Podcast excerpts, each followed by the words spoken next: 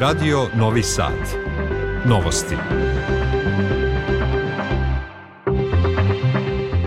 Dobar dan, ja sam Goran Pavlović. ja sam Milijana Kočić. Vesti dana. Vlada Srbije raspravljala o situaciji na Kosovu i Metohiji. Opada nivo reka na poplavljenim područjima. Kod spomenika porodica održan pomen stradalima u Novosadskoj raciji – počela Evropska nedelja borbe protiv grlića materice, bolesti zbog koje godišnje premine 700 žena u Srbiji. Danica Vukićević dobitnica je godišnje Ninove nagrade za roman Unutrašnje more. Novak Đoković plasirao se u četvrtfinale Australijan Opena. U Vojvodini do kraja dana moguća kiša. Sutra oblačno i kišovito, temperatura do 7 stepeni. Prema poslednjim merenjima u Novom Sadu je 6. Predsednik Aleksandar Vučić upoznao je članove vlade sa situacijom, izazovima i teškoćama pred kojima se Srbija nalazi kada je reč o Kosovu i Metohiji. Vučić je na sednici vlade prisustvovao na poziv premijerke Ane Brnabić, opširnije Vesna Balta. U saopštenju sa sednice vlade navodi se da je predsednik Vučić od članova vlade zatražio punu posvećenost, marljivost kao i, kako se navodi, još posvećeniji rad. Dogovoreno je i da predsednik Republike, vlada Srbije i svi organi izvršne vlasti rade sinhronizovano i jedinstveno. Ministar odbrane Miloš Vučević saopštio je da je predsednik Aleksandar Vučić informisao predsednicu vlade i članove vlade o razgovorima o Kosovu i Metohiji i sastanku sa međunarodnom petorkom održanom u petak. Vučić je sastanak sa izaslanicima Sjedinjenih američkih država, Evropske unije, Nemačke, Francuske i Italije opisao kao jedan od najtežih dana za Srbiju, te istakao da je zbog ono onoga što nas čeka potrebno jedinstvo. Više ministara, poslanika i funkcionera Srpske napredne stranke, ali i gradski i opštinski odbori širom Srbije pružili su podršku predsjedniku Srbije Aleksandru Vučiću u borbi za odbranu državnih interesa, teritorijalnog integriteta i rešavanju kosovskog pitanja. Podsjetimo, Vučić je sinoć imao sastanak sa najbližim saradnicima u sedištu Srpske napredne stranke na kojem je bilo nesuglasica i poziva da se odbiju pregovori sa Sjedinjenim američkim državama i Evropskom unijom o Kosovu i Metohiji. Kako je ranije najavljeno, predsjednik Aleksandar Vučić će se u 20 časova obratiti javnosti iz zgrade predsjedništva Srbije. Pripadnici specijalne kosovske policije ROSU pucali su oko podneva na vozilo u kojem su bila dva Srbina. Tom prilikom ranjen je Miljan D, njegov suvozač Dušan S je prošao bez povreda, dok je automobil izrešetan, saopštio je direktor Kancelarije za Kosovo i Metohiju Petar Petković. Kako ističe, incident se dogodio kod nelegalnog punkta koji su jedinice ROSU napravile na Bistričkom mostu na putu Kosovska Mitrovica Leposavić. Srpska lista u saopštenju zahteva hitno povlačenje svih Kurtijevih specijalaca sa severa Kosova i Metohije Metohije i hapšenje i sankcionisanje onih koji su pokušali da ubiju dvojicu Srba koji su bili u automobilu. Slušate novosti Radio Novog Sada. Nivo reka u poplavljenim područjima opada. Vanredna situacija i dalje je na snazi u devet opština. Pronađeno je telo drugog novopazarca koji se pre četiri dana utopio u reci Trnavici. Sava, Zapadna Morava, Ibar, Tamiš i Nera biće u porastu u naredna dva dana.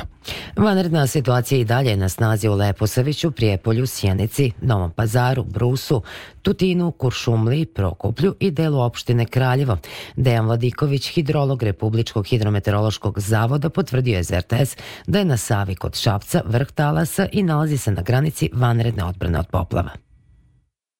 Što se tiče ostalih vodotoka, razlog našeg novog upozorenja je što u naredna 24 časa ćemo imati nove kišne padavine i to baš na onim područjima, to je jugozapadna i južna Srbija, uh -huh. gde je u prethodnoj nedelji e, ipak bilo jako velikih izlivanja i e, onda smo izdali upozorenje za Ibar, koji je još uvek jako visok, Ove, tako da e, tu ljudi budu na oprezu, da ostanu mere odbrane na snazi, isto tako za, iz, za izvorište Zapadne Morave, e, za Južnu Moravu negde od Aleksinca do Kruševca, I imamo još na banatskim vodotocima je redovna odbrana od poplava na Tamišu i na reci Neri.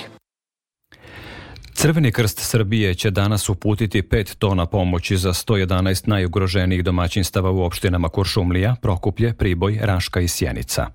Pomoć se sastoji od paketa hrane i sredstava za higijenu, setova za čišćenje nakon poplava, dezinfekcionih sredstava, čizama, najlona za prekrivanje i sušilica, saopštio je Crveni krst.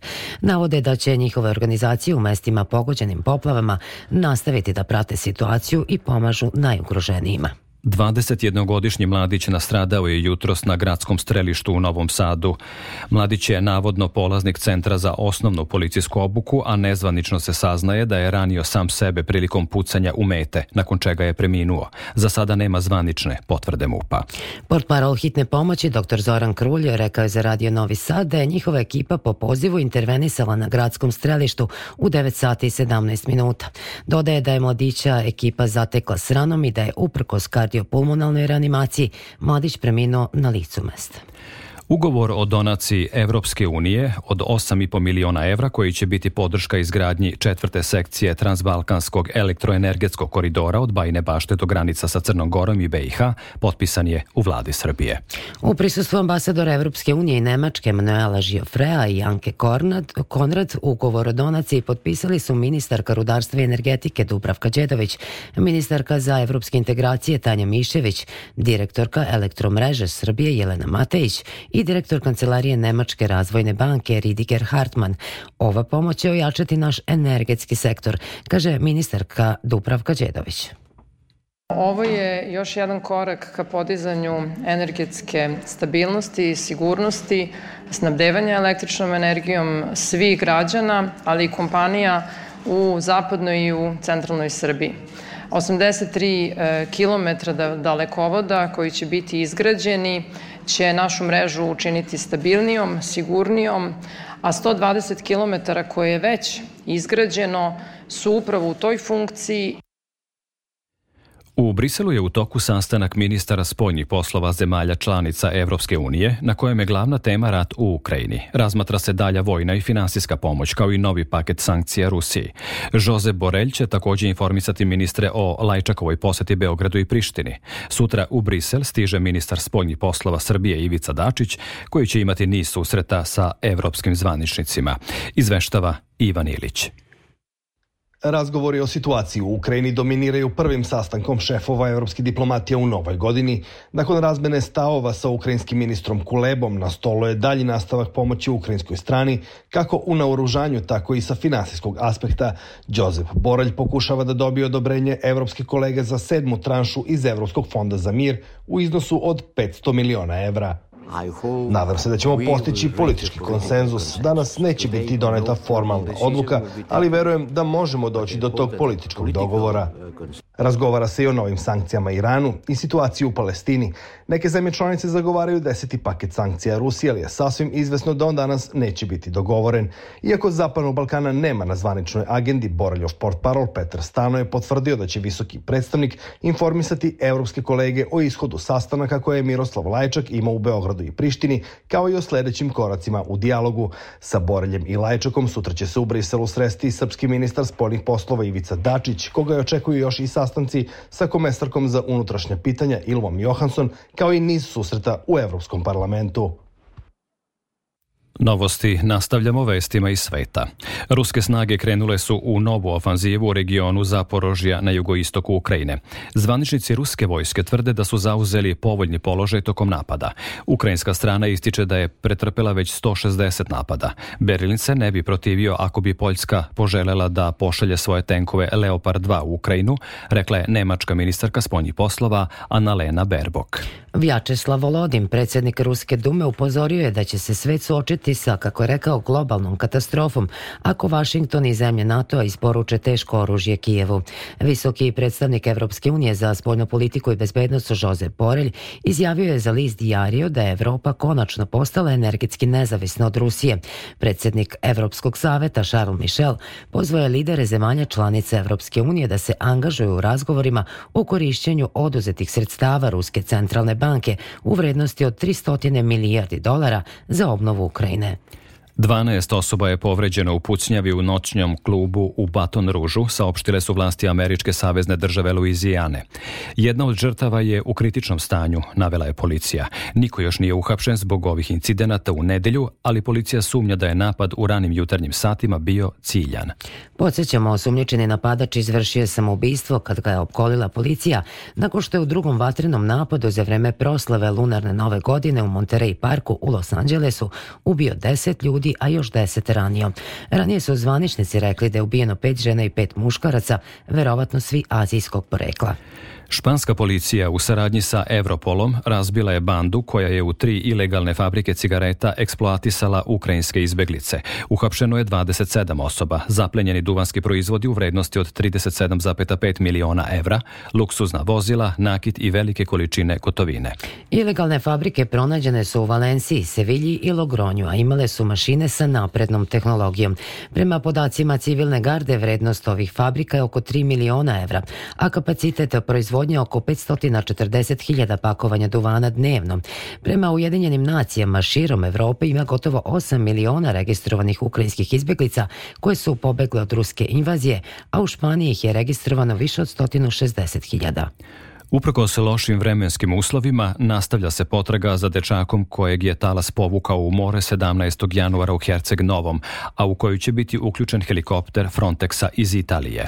Pomoćnik direktora Uprave pomorske sigurnosti i upravljanja lukama Žarko Lukšić rekao je da zbog nepovoljnih vremenskih uslova ronioci i plovila nisu u mogućnosti da pretražuju teren, pa se očekuje dolazak Frontexovog helikoptera koji posjeduje termovizijsku kameru što bi moglo da olakša potragu za nestali mali mladićem.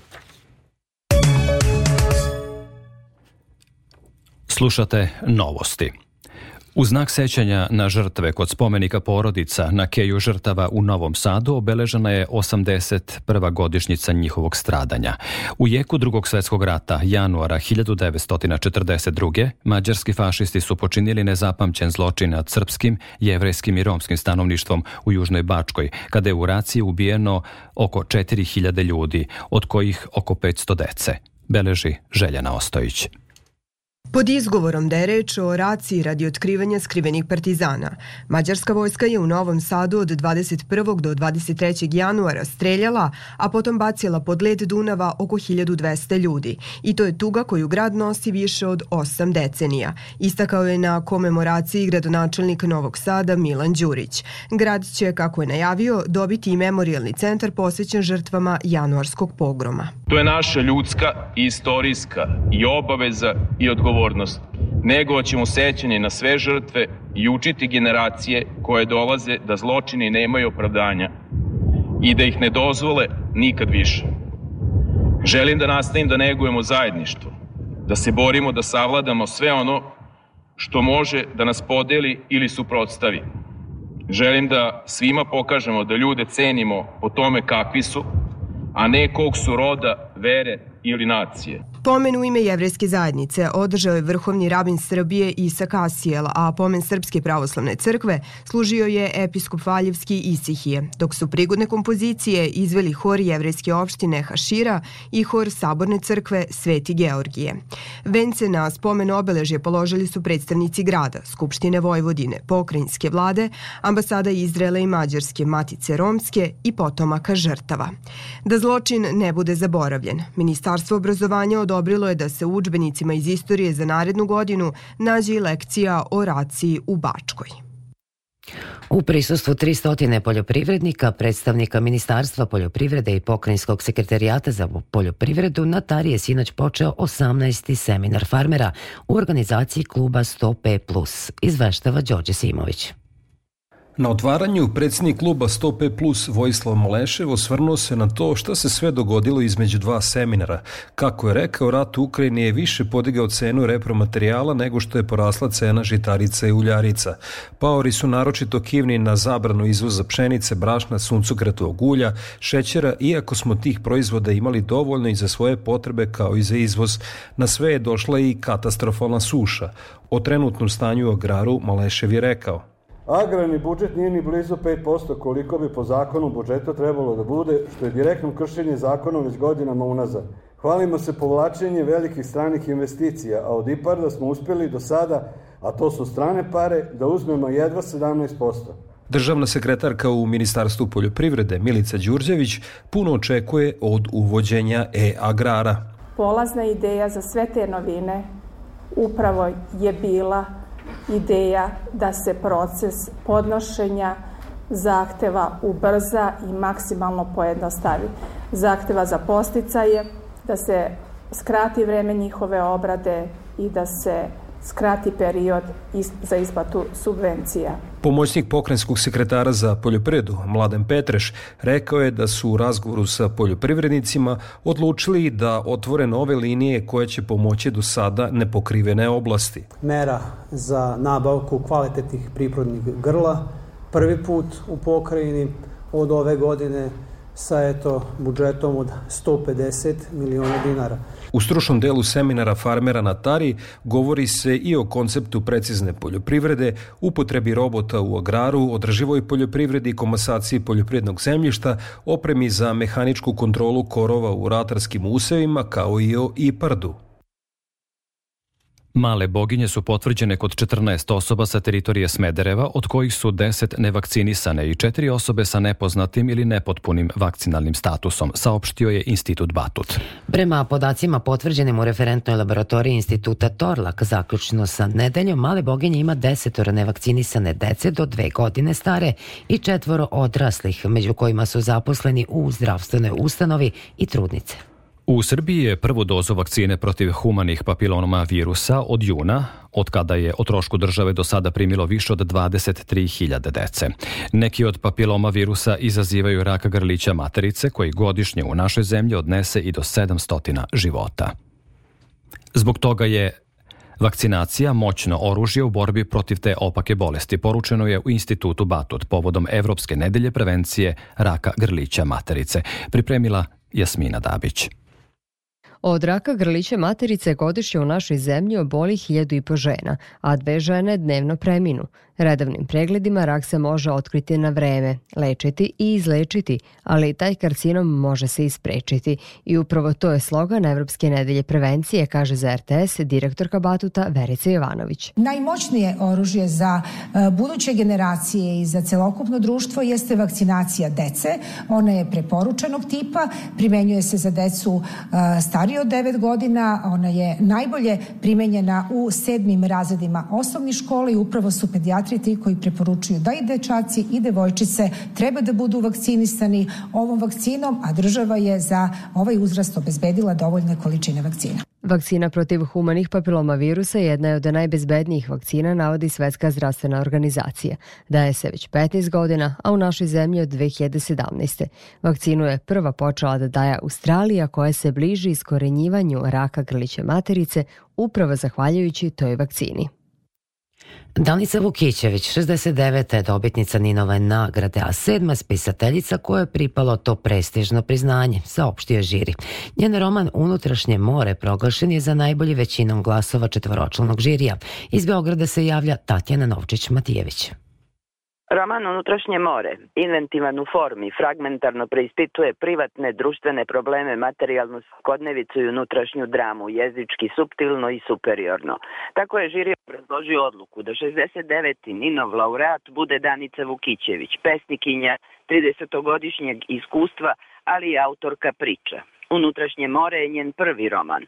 Kaže da ga je pisala sa radošću, stvaralačkom snagom, ciljano da fragmente unutrašnjom logikom poveže u celinu. Knjigu je objavio novosadski Noizac. Vlasnik Relja Dražić ističe zadovoljstvo nagradom i to što je uz unutrašnje more i roman Slobodana Tišme koji je takođe objavio bio u užem izboru. Po jedan glas članova žirija dobili su romani Koljka i Sašenjka, Uglješe Šajtinca i Klub istinskih stvaralaca Milana Tripkovića. Danici Vukićević nagrada će biti uručena 26. ovog meseca na dan nedeljnika NIS. Ugovor o drugoj fazi tehničko-tehnološkog opremanja RTV zgrade na Mišeluku potpisali su VD generalnog direktora pokrajinskog javnog servisa Jožef Klem i predstavnik ponuđača Beogradska kompanija Provideo DOO i KBV Datacom DOO Novak Radumilo. Time će biti stvoreni uslovi za kompletno preseljenje naše medijske kuće u objekat na Mišeluku koje je planirano za oktobar. Realizacija druge faze tehničko-tehnološkog opremanja predviđena je rebalansom pokrajinskog gradskog budžeta za prošlu godinu i za nju je izdvojeno 534 miliona dinara. Iz sporta za novosti izdvajamo. Novak Đoković plasirao se u četvrt finale Grand Slema u Austriji. Naš teniser ubedljivo je sa 3-0 u setovima savladao domaćeg igrača Deminora. Naredni Đokovićev protivnik biće Rus Rubljov. Naša rukometna reprezentacija od 18 časova u poljskim Katovicama igra protiv Holandije u poslednjem meču svetskog prvenstva. Košarkaši i Crvene zvezde od 18 sati u Beogradu dočekaće Ljubljansku olimpiju u 16. kolu ABA lige. Mega će od 20 sati ugostiti Zadar.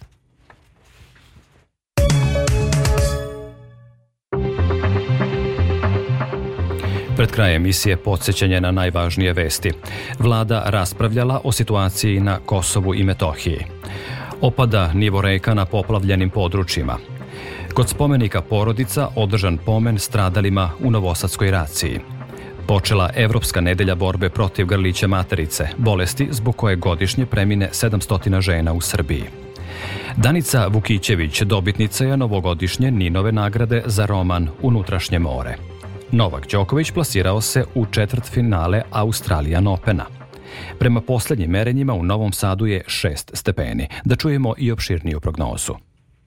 U Vojvodini utorak oblačno sa kišom, a na vrhu Fruške gore sa susnežicom. Minimalna jutra temperatura od 2 do 4, a maksimalna od 5 do 7 stepeni. Uveče kiša i susnežica uz temperaturu 22 časa od 2 do 4 stepena. U Novom Sadu utorak oblačno sa kišom, a na vrhu Fruške gore sa susnežicom. U Vojvodini u sredu pretežno oblačno i suvo. Moguće je ređa pojava kratkotrene kiše i susnežice. Za Radio Novi Sad, Stanko Sparavalo, Meteos. Slušali ste novosti prvog programa radija Radio Televizije Vojvodine. Sve vesti iz zemlje i sveta možete pronaći na našoj internet stranici na adresi rtv.rs gde ovu emisiju možete slušati i odloženo. Novosti tonski realizovala Agnes Ćurčija, producentkinja Branislava Stefanović. Pred mikrofonom bili urednik Goran Pavlović i Milijana Kočić. U nastavku programa sledi Radio Sport. Hvala na pažnji.